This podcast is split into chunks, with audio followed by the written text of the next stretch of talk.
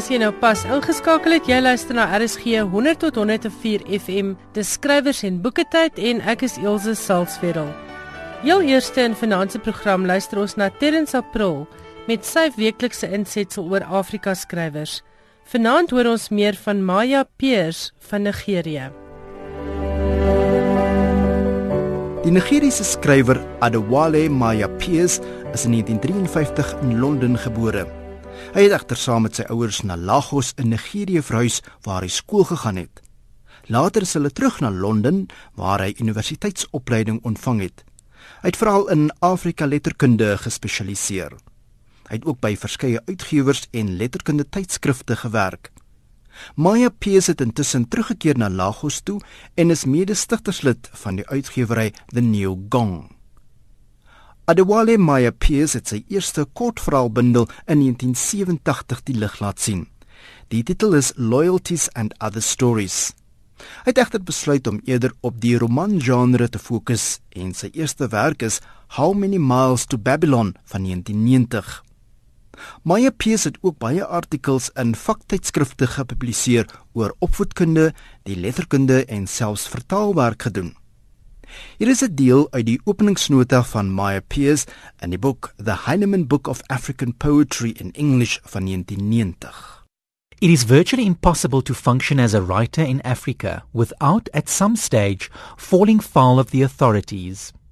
Among those represented in this anthology, Dennis Brutus, Wole Soyinka, Kofi Awuner, Arthur Norkia, and Frank Chipasula and Jack Mapanje all suffered imprisonment or exile or both as a direct result of their work. Brutus and Chipasula continued to live in exile in the United States. Norkia committed suicide in a room in Oxford in 1970. He was 28 years old, five years younger than Christopher Okigbo, the celebrated Nigerian poet, who was killed by a stray bullet in the opening months of the Civil War. Imprisonment, exile, even death. The price that the poet might have to pay for giving voice to that collective experience accounts for the level of commitment which is the dominant feature of this anthology. Dit was 'n aanhaling uit Adewale Maya Pierce se voorwoord uit the Heinemann Book of African Poetry in English. Hierdie kort huldeblyk van een van ons Afrika skrywers is saamgestel met hulp van Robin Malan se A to Z of African Writers en is uitgegee deur Shooter. Dankie Terrens, dit was Terrens oor die Nigeriese skrywer Maya Pierce. Nou gesels ons oor 'n boek wat sy oorsprong ver van Afrika gehad het. Ilse Karla Groenewald het 'n paar jaar gelede besluit om die Kama Sutra, waarskynlik die bekendste liefdeshandleiding van alle tye, in Afrikaans te vertaal. En so is die Afrikama Sutra gebore. In sy kommentaar op die boek skryf Henning Pieterse dat Ilse daarin slaag om 'n antieke teks leesbaar en toepaslik te maak vir hedendaagse lesers. Boonop spog die boek ook met oorspronklike kunswerke deur Hardes Kokemoer, Marna Skuman en Dik Grobler wat daartoe bydra dat hierdie boek waardeer sal word deur liefhebbers van kuns, letterkunde en die kuns van die liefde. Waar het die idee vandaan gekom om hierdie klassieke werk in Afrikaans te vertaal? So wat 3 jaar gelede toe ek nog in Pretoria gebly het, het ek um agtergekom dat seks besonderlik nog 'n vierletter woord is in die Afrikaanse taal. En ek het gedink daaraan om 'n webwerf te skep wat 'n platform sou wees waar mense kon um gesels oor seksualiteit en spiritualiteit en die mooi kant van die seksuele. En ag ek het vir dae lank rondgery met hierdie idee en ek het allerlei weird and wacky name uitgedink vir wat my webwerf nou genoem sou word. En toe het ek baie boeke begin bestel, um onder andere toe ook um Deepak Chopra se weergawe van die Kama Sutra. En ek dink jy is maar dis verskriklike mooi uitgawe want hy is nie, jy weet dis nie net 'n direkte vertaling nie, daar's van sy eie filosofie en spreekwyse en dingswyse in en um heeltemal 'n ander kunswerke. En dis toe hoe die idee van my Afrikama Sutra gebore is uit die webwerf want toe bestaan die webwerf al um, wat ek Afrikama Sutra genoem het. En ek besluit toe om dalk te dink aan die vertaling van Deepak Chopra se Kama Sutra. Maar hoe meer ek begin kyk het na die boek, hoe meer het ek besef dis eintlik 'n verskriklike afgewaterde weergawe en daar was ontsettend min van die oorspronklike teks in sy boek. En toe ek nou begin ordentlik kyk, sien ek maar die kuns is ook is 'n sulke studio art wat regtig verskriklik boring was. En toe so koue Vrydag aand onthou ek nog in my sitkamer saam met ehm, 'n um, vriendin van my sit ons die een glas in wyn na die ander en drink en ons begin praat oor hierdie ding. Nee, maar kom ons maak dit 'n uh, behoorlike vertaling. Nee, maar kom ons bring um, Suid-Afrikaanse kuns in. Nee, maar kom ons doen dit, kom ons doen dat. En so hoe meer ek um, gebrainstorm het, hoe meer is die idee toe nou gebore en toe besluit ek, jy weet, eers het dit begin van dit gaan Suid-Afrikaanse gedigte in hê en dit gaan stories in hê en toe op die ouend het ek besluit nee ons in Afrikaans verdien die autentieke vertaling van die Kama Sutra en dis toe nou dit, dit was nou die proses van wording van die Afrikaanse Sutra En sê vir my, hoe sal jy die Kama Sutra beskryf vir iemand wat nog nooit sy oë op die boek gelê het nie? Mense se eerste reaksie is altyd: "O, dis daai seksboek." En o, dis daai boek met die posisies in. En dis eintlik glad nie wat dit is nie. Dit is 'n handleiding vir die lewe, hoe om 'n goeie mens te wees. En daar word verskriklik baie gepraat oor persoonlike higiëne en hoe jy jou huis moet inrig. En jy weet dit dit, dit is eintlik alles behalwe net 'n seksboek. Die uh, mense praat altyd so oor die posisies en die posisies in die in die Kama Sutra vorm eintlik 'n verskriklike klein deel van die boek. Ehm um, die ander ding is dat dit altyd daai poëtiese beskrywing van die posisies was altyd so van 'n addendum. Dit was altyd agteraan gevoeg en in hierdie weergawe het ek te besluit om dit te integreer in die teks dat dit meer meer deel vorm van die teks. En die ander ding is die teks is 2000 jaar oud en dit is in Sanskrit um, geskryf destyds en ek dink dis opgemaak. Hulle is nie presies seker weet wat sy Jana is word gesien as die skrywer, maar dit is eintlik 'n samevatting van 'n klomp geskrifte wat hy toe nou uh, omgesit het in nou die Kama Sutra. En eers in die 1400s daar rond in die middeleeue se kant is die tekeninge bygevoeg om 'n verskriklike moeilike teks meer ehm um, wat sou mens sê verstaanbaar te maak. Ja, toeganklik en verstaanbaar te maak. En toe is dit nou waar die blou mannetjies op die ehm um, houtplankies vandaan gekom het. Wel ek terwille van die luisteraars wil ek sommer net so 'n stukkie aanhaal uit uit die Afrika Masutra. Dit is eintlik 'n bietjie humoristies ook. Ehm um, hier staan byvoorbeeld die volgende is die kunste wat tesame met die Kama Sutra bestudeer moet word. En dan is daar twee bladsye lyste en dit sluit onder andere in sang, die speel van musiekinstrumente, dans, skryf en teken, tatoeëerkuns, blommerangskikking. Met ander woorde al hierdie goeders wat nou van die vroue baie deegsame vrou gaan maak, maar dan was daar vir my 'n paar goed wat regtig baie snaaks was. Die bespeling van musiekglase gevul met water. Die ja. versameling en berging van water in tanks, waterleidings en reservoirs. Met ander woorde so 'n bietjie van 'n huisingenieur. Dan is daar die oplos van raaisels, legkaarte, enigmatiese vrae en ander stimulerende aktiwiteite, woordspeletjies, die kuns van nabootsing en mimiek. Met ander woorde, hierdie boek vat dinge baie verder as barefoot and pregnant in the kitchen. Jy moet basies kan saampraat met die mans, jy moet skermkuns en boogskiet kan beoefen, jy moet bietjie houtwerk kan doen staan hierso. Redenaarskuns wat ek raak lees is hierdie was basiese handleiding om van mense soort van gebalanseerde, afgeronde, interessante huweliksmaats te maak. Presies, Elsje, weet jy, dit is vir my die eerste ding wat my opgeval het toe ek nou begin het met die proses van die ehm um, eers werk met die met die Engels om die teks te heeltemal te verstaan. Toe kom ek agter, maar weet jy, dit was verskriklik gevorderd en die rol van die vrou was verskriklik gevorderd en daar was 'n ongelooflike balans tussen die die rol van die man en die rol van die vrou in die huwelik. En dit was glad nie 'n geval van die man is alles en ehm um, die vrou moet nou net vir hom luister en sy's nou maar net daar om mooi te lyk like en whatever. Jy weet, dit was soos jy sê, jy moet 'n interessante huweliksmaat wees en dit geld vir al twee. Dit glad nie in die Kama Sutra sodat dit word net die vrou moet nou die interessante een wees van sy moet nou die man vermaak nie. Daar's 'n hele afdeling van hoe om 'n deegsame man ook te wees.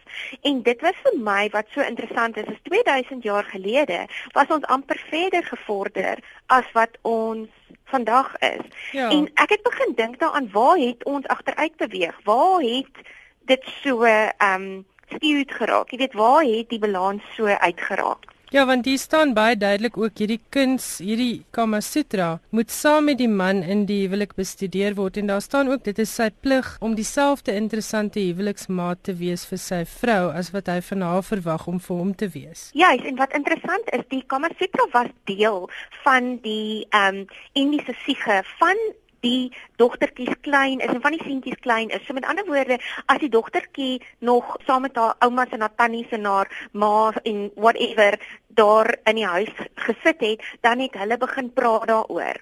En as sy nou gereed was vir die huwelik, dan het sy 'n kopie gekry van die Kama Sutra en dan het hulle na die huwelik het sy en haar man verder hierdie teks bestudeer. So dit was altyd 'n integrale deel van grootword. Ja, en, en van haar voorbereiding vir die lewe. Presies. En dit was nie 'n geval van o, maar jy weet, jy mag nie oor seks praat nie. Jy weet, dit was dit was 'n totale normale deel van groot word.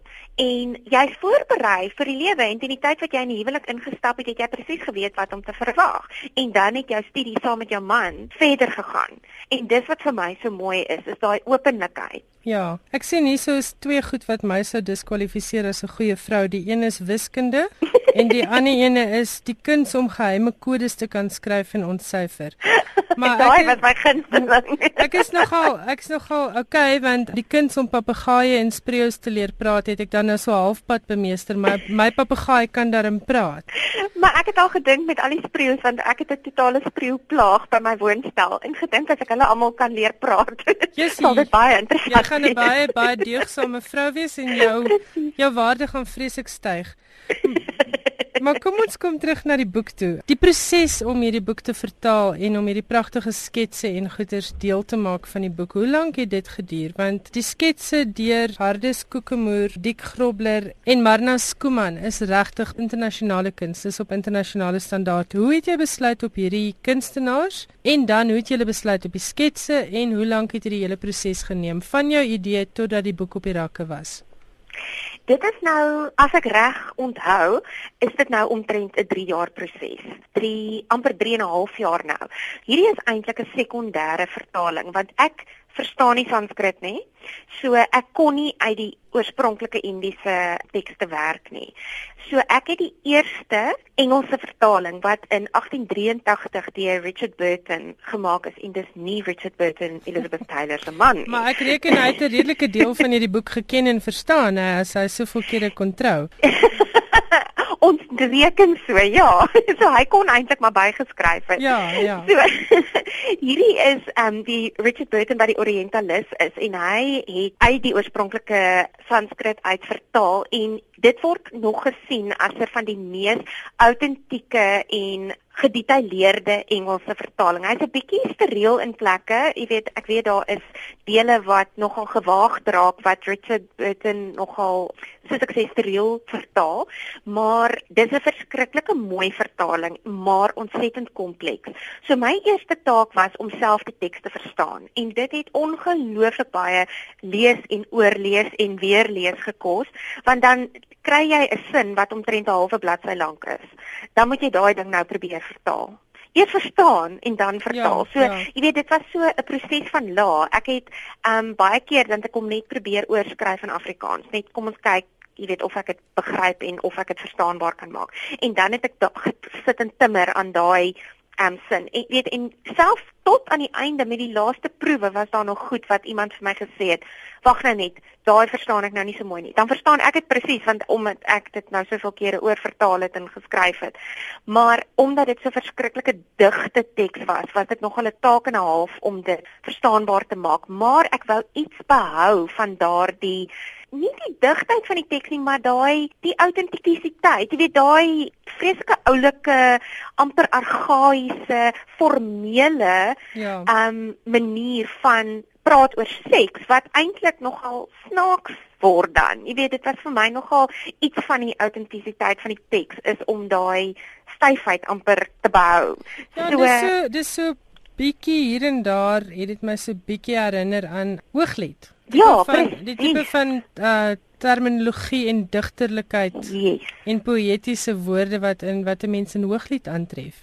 Juis, en ek wou daardie oudheid en daardie amper daai elegansie van die teks behou. So dit was my eerste taak. En toe stel 'n vriendin my, Hoeka dieselfde vriendin wat so oor die glas wyn saam met my gesit en brainstorm het, my aan hardes voor en van daar af toe rol ons. Toe onmiddellik terwyl ek daar staan en gesels met hom bel hy vir Marna en vir Dik en ons begin onmiddellik planne maak van wanneer kan ons bymekaar kom en hulle hulle was onmiddellik vreeslik opgewonde oor die projek en gedink dit is nou net die wonderlikste ding since sliced bread. So het ons nou 'n paar vergaderings gehad en my enigste soort van vaste brief aan hulle want ek wou nie hulle kunstigheid demper of enigstens in in rem met 'n vreeslike uitgebreide brief nie, maar die ding wat ek vir hulle gesê het is dit moet seksualiteit celebrate en dit moet pragtig wees. Dit moet absoluut ongelooflik mooi wees. En dit was wat ek vir hulle gesê het. Gaan weg. Hier is 'n um, stukke van die vertaling en celebrate hierdie uh, seksualiteit. Met ander woorde, hulle die interpretasies is alles hulle eie. Absoluut, absoluut. En die ongelooflike humor wat daarin is en die tong in die kies en dit was net vir my Elke keer as ek 'n uh, skets gekry het, dan het ek uit my vel uitgespring want dit was vir my net so ongelooflik mooi. Ja, en ek moet sê hierso is regtig soort van elke kunsvorm van kuns wat 'n bietjie aan 'n spotprent herinner tot baie meer komplekse kuns en dan is daar tipies Suid-Afrikaanse goed ook in van die prente. My oog val nou hier op een. Ja, daar's 'n taxi in die agtergrond. 'n Minibus taxi. En ja. voor voor is dit Bengaalse tiere en hasies en allerlei goed wat mens waarskynlik in die henna patrone sou aantref. Ja. En natuurlik die Unie gebou feature ook. Ja, ek het die Unie gebou gesien met kompleet met 'n helikopter en nou toe het ek nou gewonder watter hooggeplaaste is nou daar bo in die in die lug besig. O, oh, koek. Ek wil vir die luisteraars sê daar's 'n hele hoofstuk oor soen. En die soene het die verskriklikste interessantste name, die nominale soen, die kloppende soen, die aanrakende soen, die reguit soen, die gebuigde soen, die gedraaide soen en die geperste soen. En dan is daar 'n soen wat bedoeling toon. dit was my dis my baie baie mooi vertaling. En dan is daar iets wat ek nou die eerste keer in my lewe raakloop in 'n boek, die kuns van druk, merk of krap met die naels. Nou genadiglik dink ek dit is 'n gebruik wat meestal in ons gemeenskap nou nie uh hoog aangeslaan gaan word. Hier's wonderlike frases wat sê as 'n vreemdeling sien op 'n afstand naalmerke op 'n jong vrou sien, sal hy gevul wees met respek vir haar. In ons dag sal dit waarskynlik gesien word as mishandeling en nie as 'n teken van ja, liefde nie. ja, maar weet jy, dit was so interessant met die vertaling waar ek kan nou nie nou op hierdie presiese oomblik nie onthou wat die Engels was nie, maar om die woorde ehm um, soos piets te gebruik dat dit seksueel klink en nie soos mishandeling klink nie. Weet want dit is nie, jy weet jy gaan nie die vrou daar beet kry en haar slaan nie. En dit was vir my nogal 'n uitdaging om daai woorde, die krap en die merke en die pietse en so aan te vertaal op 'n manier wat dit nog steeds eroties klink en nie soos mishandeling nie, want dit is hoeka die absolute teenpool van wat ek bedoel het met hierdie boek. Die boek het selfs 'n hoofstuk oor affairs en hoekom yes. mans, hoekom mans na ander vroue aangelok word. Hier's regtig lewensraad ook hierin, hè? Ja, en weet jy, ek moes ehm um, jy weet die die Kamasutra se ontsaglike lang teks is 'n vreeslike um, omvattende teks en ek kon um, ek moes besluit watter dele gaan ek behou en watter dele gaan ek uitlaat. En ehm um, dan sal mense tog wonder, jy weet, hoekom het ek oor kortisanes gepraat? Daar daar was ongelooflik baie wat nog steeds toepaslik en relevant is vir ons vandag. Al is dit 'n teks wat 2000 jaar gelede geskryf is in 'n kultuur wat baie anders is as ons in. Jy weet, en tog was daar hierdie raakpunte en hierdie relevantie en dis wat vir my so interessant is.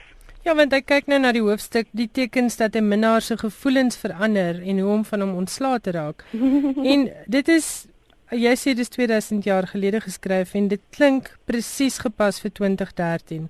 Presies. Hier ja. staan hy hou haar verwagting lewendig met beloftes. Hy maak asof hy een ding doen terwyl hy eintlik iets anders doen. Ja. Hy vervul nie haar begeertes nie. Hy vergeet sy beloftes aan haar of doen die teenoorgestelde van wat hy beloof het.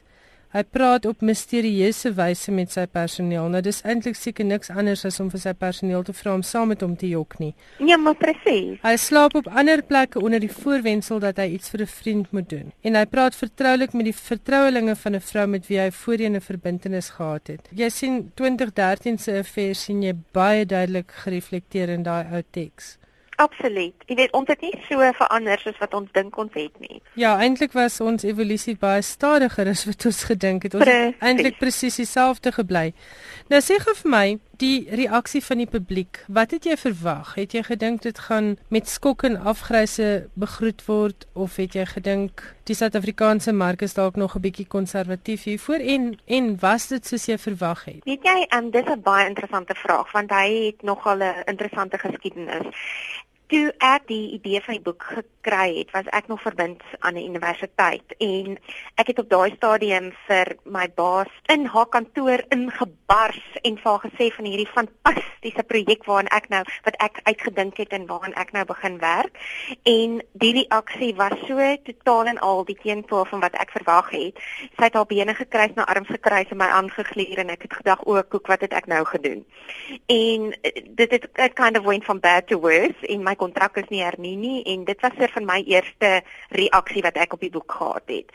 So in my naïwiteit aanvanklik het ek gedink, "Wow, dit jy weet dit kan net goed gaan. Dis net 'n wonderlike projek. Dis so mooi teks."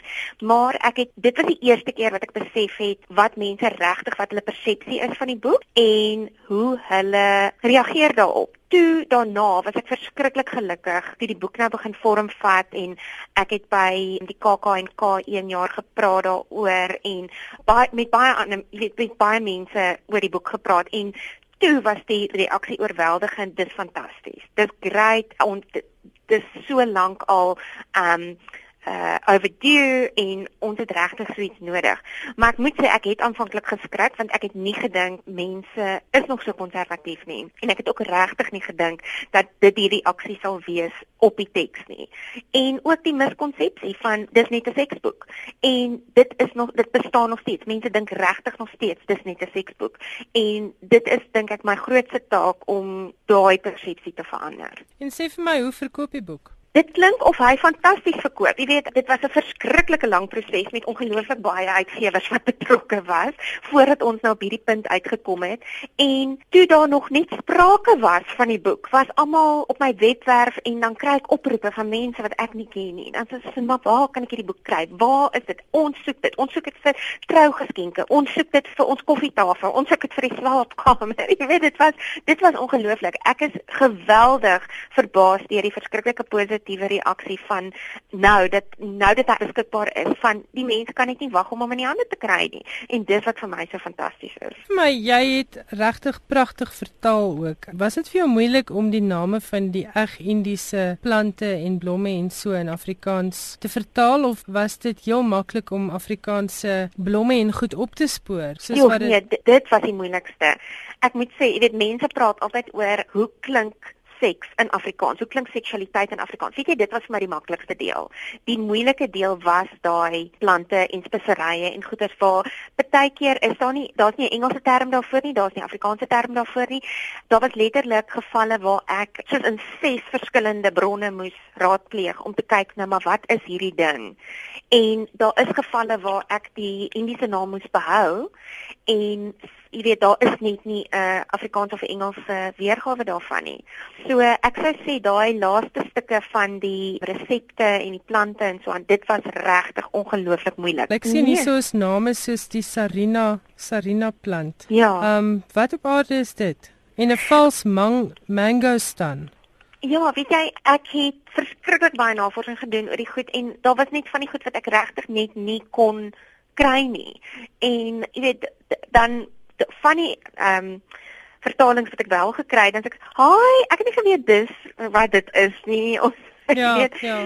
So, ehm um, ja, daar waar die waar, waar jy nie weet wat die name is nie, daar ek ook nie geweet nie. Oh, okay. En daar kon ek regtig nie ehm um, jy weet 'n uh, Europese ekwivalent van kry nie. Nou, Ilse, julle is hierdie week in Pretoria met 'n uitstalling van die kunswerke. Vertel ons gou daarvan. Ja, dis nou ek is nou vreeslik opgewonde hieroor want dit is nou so van die eerste groot bekendstelling wat ons nou vir Afrikaans Sutra gaan hê. Hy was, hy het 'n draai gemaak by die Graamsstad Kunstefees en by die Vryfees in Bloemfontein, maar ek kon nou nie daar wees nie en um, ek dink net Hardes was in Graamsstad. So hier is ons nou almal saam in een plek en dis by die Trent Galery in Waterkloof in Langstraat of Lang Avenue in Waterkloof en daar gaan 'n uitstalling wees van die kunswerke wat in die boek is. Hulle gaan ook te koop wees. Daar gaan 'n spesiale uitgawe wees van die boek. Ons gaan hom teken, ons gaan fonkelwyn drink en baie jolig raak en dit gaan 'n verskriklike lekker aand wees omdat dit nou so half die kulminasie is van 3 jaar se werk. En ek is verskriklik opgewonde daaroor want dit is nou regtig ons groot soos van bang in die mark in. So ek is vreeslik opgewonde daaroor. En wanneer is dit nou? Dis donderdag aan die 1ste? Donderdag die 1 Augustus, hierdie donderdag aand van 6uur af. En is dit net vir een aand? Dis net vir een aand. En sê vir my die boek word deur Unisa University Press uitgegee en wat is die aanbevole prys? Dis reg ja, um, hy verkoop teen R345 en dit is die mees ongelooflike mooi weergawe. Dit is 'n harde band Hy het 'n rooi edging, hy het 'n lint in, hy het 'n 'n bandjie om wat ehm um, die nuuskierige oogies uithou. Nuuskierige jong oogies uithou van die nodige en ehm um, dit is regtig dit is 'n fees vir die oog. Dit is 'n pragtige pragtige boek. Jy weet dit die boek self is 'n kunswerk. Dit is net dit het al my verwagtinge oortref. En so gesels Ilse Karla Groenewald. As jy die uitstalling van die kunswerke môre aand 1 Augustus in Pretoria wil bywoon, dit is by die Trent Galery en jy kan vir Stewart Trent skakel by 012 460 5497. Die aand se pret begin om 6uur en onthou dat die kunswerke ook te koop is. Daar is seker nie iemand wat vanaand saamluister wat nie weet wie Liewe Heksie is nie. Net soos wat sy haar toon in die grond boor as sy iets vergeet, het hierdie vergeetagtige karaktertjie diep in ons harte gekruip. Liewe Heksie vier vanjaar haar 50ste verjaarsdag en haar skepper, die bekende Wina Vels, het in Junie haar 80ste verjaarsdag gevier. Omdat Liewe Heksie vir so baie van ons die magiese wêreld van stories en boeke geopen het, het ek vir Wina genooi om vanaand saam met my in die ateljee te kom kuier. Dis 'n groot eer om met so legendariese en ervare radiopersoonlikheid te kan gesels. Baie welkom, Winna. Baie dankie, Ilse. Weet jy Winna, ek wil met jou gesels oor Lieweksie want ek glo sy het vir ons almal die pad na stories oopgemaak vir 'n hele generasie van van my ouderdom af en jonger. Waar het Lieweksie begin? Wel, sy het, sy het baie lank terug begin. Dit was nou hierdie jaar haar 50ste verjaarsdag. Maar die eerste stories oor die Weksie het eintlik vroeër begin as 1963.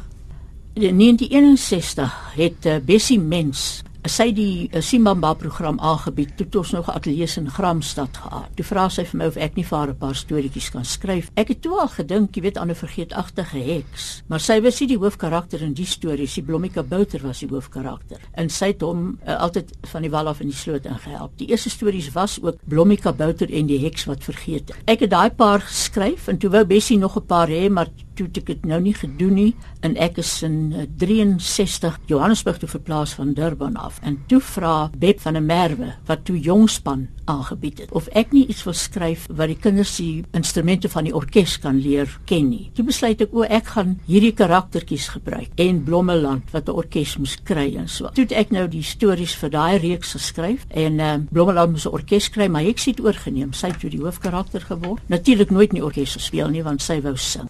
Dis mos haar ideaal in die lewe. gaan sy vir ons sing in hierdie program? Nee, ek dink so, sy het nie genoeg geoefen nie.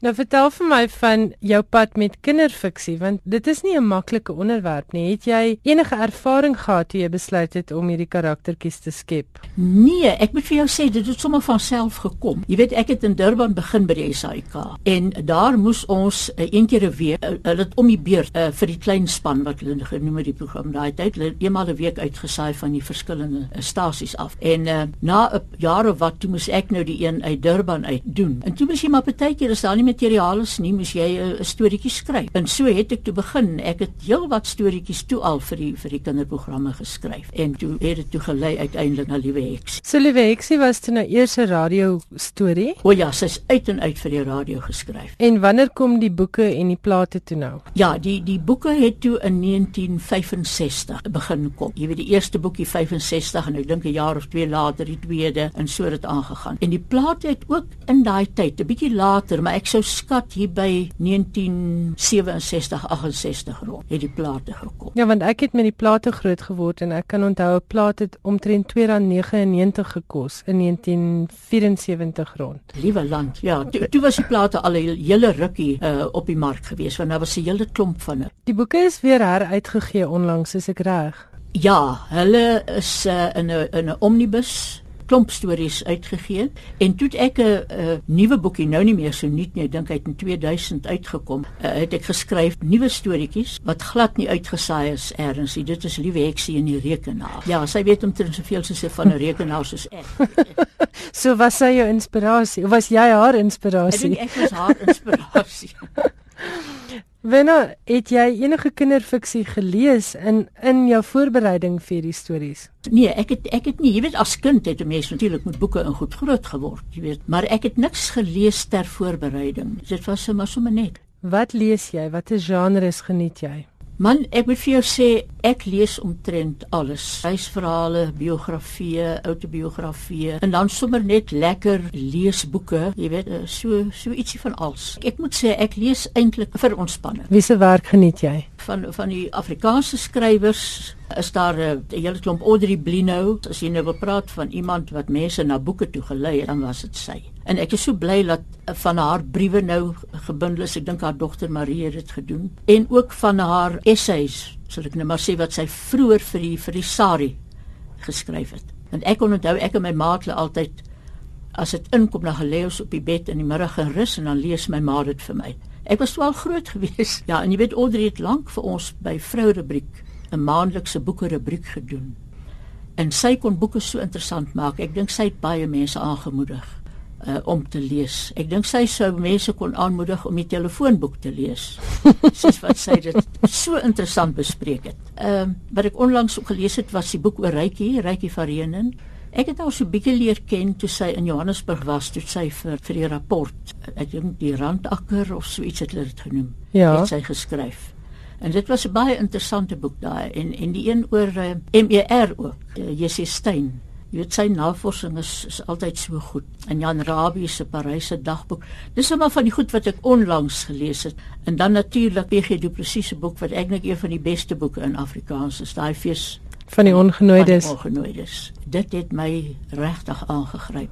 Maar daar is vroeëre boeke ook oor die Anglo-Boereoorlog. Ek weet nie of jy hom al gelees het nie van Engela van Rooyen vuur op die horison. Ek het. Ag ja, en dan ek ek lees graag Henny Oukamp, jy weet veral ook sy vroeëre kortverhale. 'n Ander boek wat baie interessant was en jy sal hom daar ken is ehm um, dit gaan oor Hannetjie de Klerk. Die skilder. Die skilder. En en uh, Rihanna Skeepers het die teks daarbey. Ja, dis 'n redelike nuwe boek, né? Nee. Is is 'n nuwe ja. boek en en is pragtige boek ook. Dis baie mooi geïllustreer. Pragtig, dis na aanleiding van haar skilderye en so aan is dit geskryf en die, en die teks so dis is soos 'n biografie eintlik. Jy het 'n spesiale liefde vir Daleen Matthee se werk, is ek reg? Ja, ek dink sy het 'n soort van 'n 'n magiese gevoel gehad oor daai wêreld. So haar boek het ek als gelees. Sy het eendag vir my gesê sy glo elke skrywer het sy eie malheid. En dit was haar malheid. Was die bosse? Die bosse en daarmee veronderstelling dat ek sien my mal uit. wat waarskynlik so is. Maar dan, jy weet Antjie Krog ook, sy het baie mooi oor die Vrystaat uh, geskryf en ek komende van die Vrystaat, het daai boek van haar, ek dink dit is 'n ander tongval oor Kroonstad se wêreld en so gaan. Dit was vir my ook baie mooi. Nog Afrikaanse boeke wat jy geniet het? Ja, jy weet twee wat nou by my opkom wat ek baie geniet het is Marlene van Niekerk se uh, jy weet Triomf. En dan ook uh oor dieselfde soort mense is Jean Gosen se 'n popel vir my darling. Ja, dit was heerlike boeke, né? Dit, dit was heerlike boeke en uh hulle het mense nogal aangegryp hoor. Ek weet jy reis baie graag. Jy was al die hele wêreld vol. Wel, nou nie heeltemal nie, maar maar min of meer. Uh, ja. hoe hoe lyk jou uh, jou gunstelinge as dit kom by internasionale boeke? Uh jy weet ek het net toe ek afgetree het, het ek al Jane Austen se boeke gelees. En weet jy, dit was 'n absolute fees. Want dit snaaks, jy weet die boeke word vir jou voorgeskryf op universiteit of miskien in matriek en so aan. Maar die oomblik as jy 'n voorgeskrewe boek kry, dan word dit nou 'n soort van 'n plig wat jy moet uit las. Jy lees hom anders. En ek moet sê dit was 'n groot vreugde. Maar twee boeke wat ek onlangs gelees het, die een is regtig snaaks, is van 'n Sweedse skrywer, Jonas Jonasson. The hundred year old man who climbed through a window and disappeared. Dit is regtig 'n baie snaakse boek en en goed geskryf en onderhoudend. Jy, ek weet nie of jy hom al gelees het nie. Nee, ek het net gesien almal is mal oor hom. Dis 'n redelike nuwe boek. Is is is het so 'n paar maande gelede verskyn, né? Dis reg. Maar jy kan dit gerus lees. Dit is regtig snaaks. Ek weet nie die vertaling is seker baie goed want oorspronklik is dit in Sweeds in Sweeds geskryf. En 'n uh, ander boek wat my baie aangegryp het wat ek ook laat verlede jaar gelees het, is ook 'n uh, redelike nuwe boek, is The Hair with Amber Eyes deur Edmund de Waal nogal. Maar dit gaan oor 'n familie Hulle was handelaars, graanhandelaars wat uit die Oekraïne gekom het, maar toe hulle in uh, Parys en in Wene en in Londen het hulle gevestig en skatryk geword. Die Eprusi familie, dit het oor hulle gegaan. In die De Waal is 'n kleinseun. Hulle het gebly in Parys in die uh, Avenue Morceau naby die uh, die groot park. En ek het toe toe ek laas in Parys was verlede jaar toe ek daai huis gaan soek en ek het dit gekry, maar dit is nou nie meer 'n huis, ek dink is nou kantore en goeders, maar jy weet 'n pragtige vooraansig is regtig 'n aangrypende boek. Wenna, dis nou glad nie op die onderwerp van lees nie, maar ek dink is 'n fascinerende tydverdryf wat jy het. Jy gaan soek die grafte van groot skrywers. So ja, ja indirek het dit te doen met lees. Vertel ons bietjie daarvan. Ja, van van van skrywers en jy weet komponiste, digters en sulke goeters, jy weet met my heel eerste reis in 1960 het ek Elis Elizabeth Barrett Browning se graf gaan soek in Florence. Vreeslik gesoek na wat hulle genoem het die Engelse of die Protestantse kerkhof. En ek het dit toe gekry, jy weet, so op 'n mistige reënerige dag. En jy kan nie som ingaan nie. Daar's 'n ou dame toe gewees wat die plek opgepas het en dan gelui jy die klokkie by die by die hek en dan kom maak sy oop en sy toe sy was so toe met 'n swart sjaalitjie want dit, dit was reënerig. En sy het my so een kyk gegee en toe sê sy Elisabetta Browning en ek sê toe ja, ek wil. Sy het sommer geweet. Sy het sommer geweet. En dit was nogal aangrypend uh om om dit te sien, jy weet. Wie sien het jy nog gesien? Ja, ek het laas jaar het ek Gertrude Stein se graf in Parys het ek gaan sien in Père Lachaise. Maar snaaks die op die op die steen dis omtrent onleesbaar die opskrif op die op die grafsteen. Ek het daartoe regtig 'n liewe heksie oomblik gehad want ek soek toe hulle gee jy het so 'n kaart jy weet en ek kyk toe na die kaart en ek volg hom nou is 'n vreeslike tog en ek dink toe wel uh, ek kan nou nie verstaan nie. Ek is nou hier is veronderstel om hier te wees maar ek kry dit nie. En daar kom toe twee meisiekinders aangeloop ek gaan toe na hulle toe en ek wys vir die kaart. Sê vir hulle ek soek Gertrude Stein se graf. Vat hulle die kaart te draai loop Dus ek besig om om onderste bo daarna te kyk.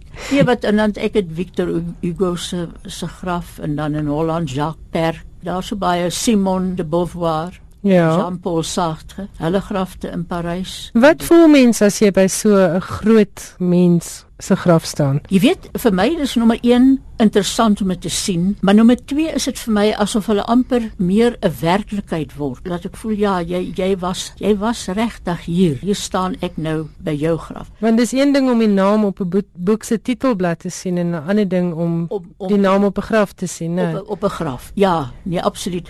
Jy het net nou gesê toe jy afgetree het, maar nou weet ons almal jy is eintlik nog glad nie afgetree nie. Vertel gou-gou vir ons van jou betrokkeheid by Sewende Laan net so as 'n slotgedagte. Ja, ek moet sê dit dit is uh, baie interessant. Wel ek was daar by betrokke voor Daniel en nog voor hulle op die lug gegaan het toe toe Dani Odendaal en Annie Beson nog beplan het daaraan. Toe was ek so bietjie betrokke by die beskrywing van die karakters en die die uitwerk van 'n paar storielyne in goeters.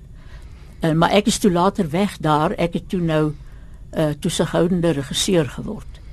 Maar wat wel interessant was is dat jy voor die tyd moet jy jou karakters kry en jy moet presies weet waar hulle plek sal wees in die storie en jy moet minstens so 4 of 5 storielyne hê. Met ander woorde, jy is nog op 'n manier aan die stories maak. Gaan jy ooit regtig aftree? Man, ek weet nie, seker maar as hulle my nou eendag wegjaag daar, dan sal ek seker seker aftree. Maar nou is daar uh, iemand wat ook hulle soek altyd 'n heksie in toneelvorm.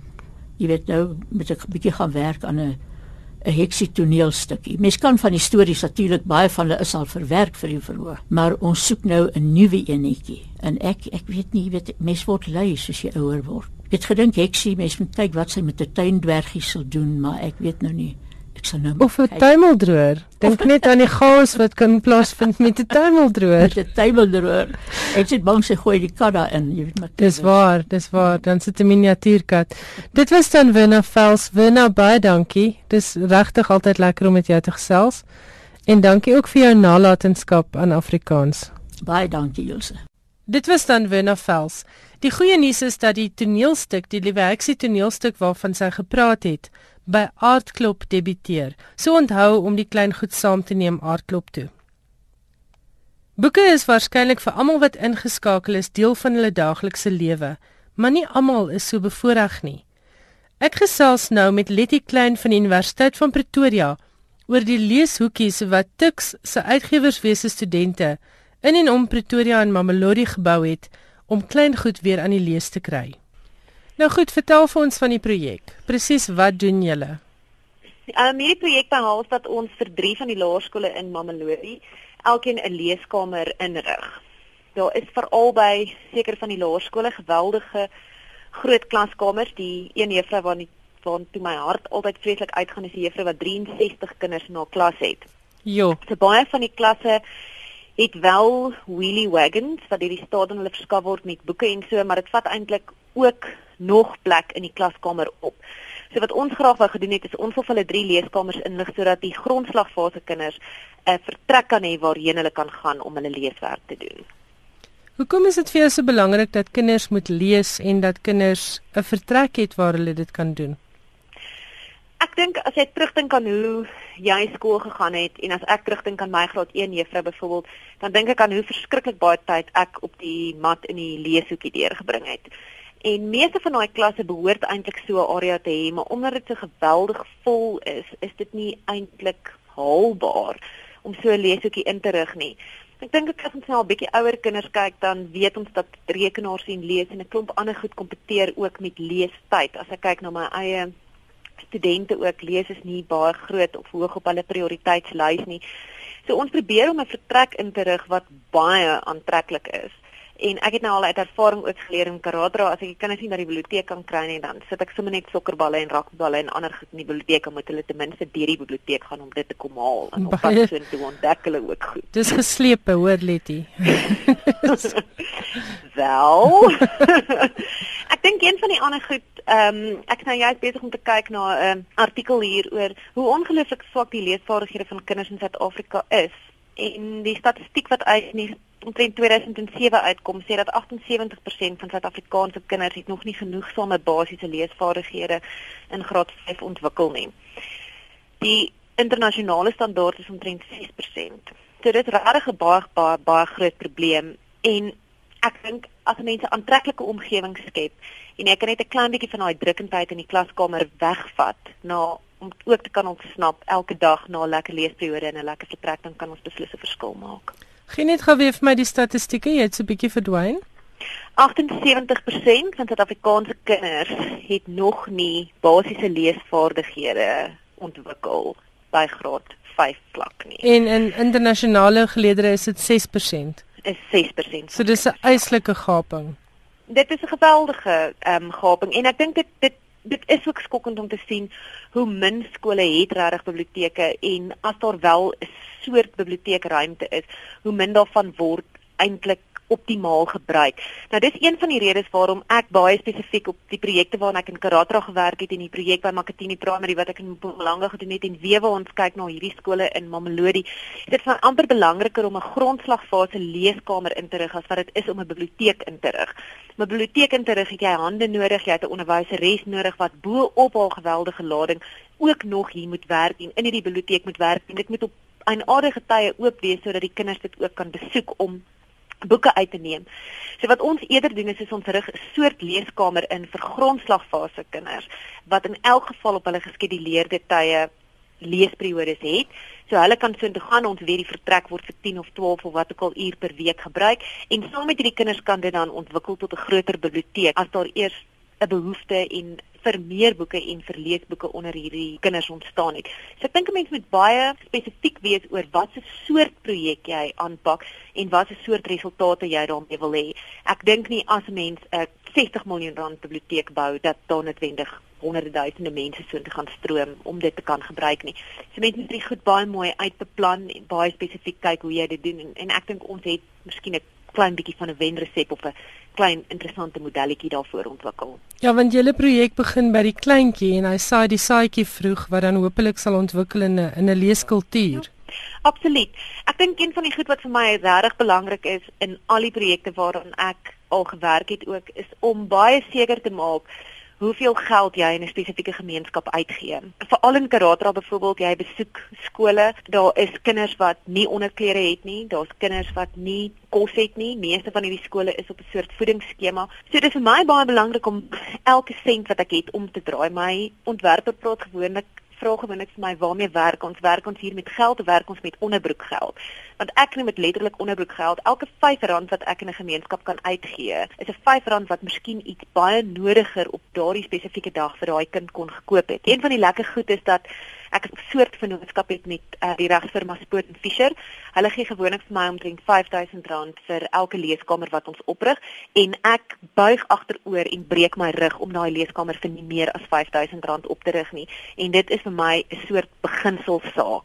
Baie van hierdie skole het rakke, baie van die skole het boeke. Dis net om dit 'n bruikbare ruimte te kan maak. So daarmee sit ons gewoonlik ons dol dit 'n bietjie op en ons sit gewoonlik matte in en waar nodig gee ek ook eintlik nie geld uit op boeke nie want dit kry ons gewoonlik deur skenkings of so. So ek probeer letterlik met herwonne materiaalwerk ons gebruik met maak gebruik van tweedehands meubels ons maak gebruik van gebruikte melkkratte om rakspasie mee te bou daar's 'n verskeidenheid van goed wat ons doen in 'n poging om te probeer om nie geld te kan te gebruik vir dit wat jy weet jy eintlik moet gaan vir 'n kind wat elke oggend van sy lewe honger opstaan en elke middag van sy lewe honger gaan slaap nie want ek dink vir so 'n kind beteken 'n boek nie van tyd ja. baie baie min. Ja. Kan die lede van die publiek betrokke raak by julle projek?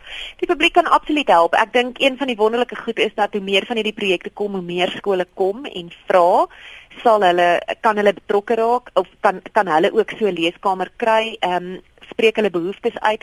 So ek, ek dink as 'n mens vir myself, my persoonlike doelwit is om weer om 5 sulke leeskamers per jaar um, in te rig in baie spesifieke gemeenskappe waar daar regtig 'n behoefte daarvoor is.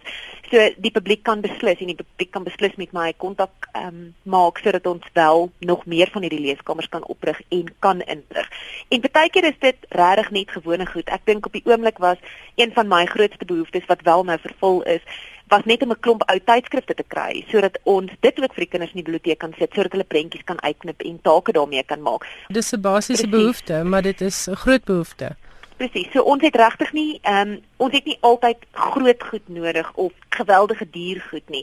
Ons het baie keer net eenvoudige goed ehm um, soos hierdie nodig. So dit sal wonderlik wees as mense ook by hierdie projekte wil betrokke raak. En dit sal natuurlik vir my nog wonderliker wees as daar luisteraars is wat daarna luister en sê ek's 'n huiswerker wat se kind in hierdie of hierdie skool is en ek sal baie graag by daai skool wil betrokke raak met so 'n projek dan kan ons ook via hulle by so 'n projek betrokke raak. So dit is nie net te veel vir my vir wat hulle kan gee vir ons projekte nie. Dit sal ook vir my wonderlik wees as daar luisteraars is wat sê ek wil dit ook in my gemeenskap doen. Hoe doen ek dit? Dis fantasties. Letty, hoe kontak mense jou? Kan ek 'n selfoonnommer gee? Jy is welkom. 082 347 9982.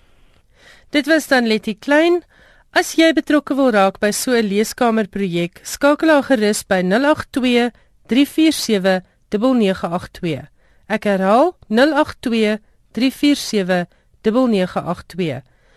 Haar wenslysie vir hierdie projek verskyn ook op ons Facebookblad, maar ek sê ook maar net ter wille van luisteraars sonder internet, sy soek op voedkundige speelgoed, skryfbehoeftes, Boeke en natuurlik as jy 'n finansiële bydrae wil maak, is jy ook welkom.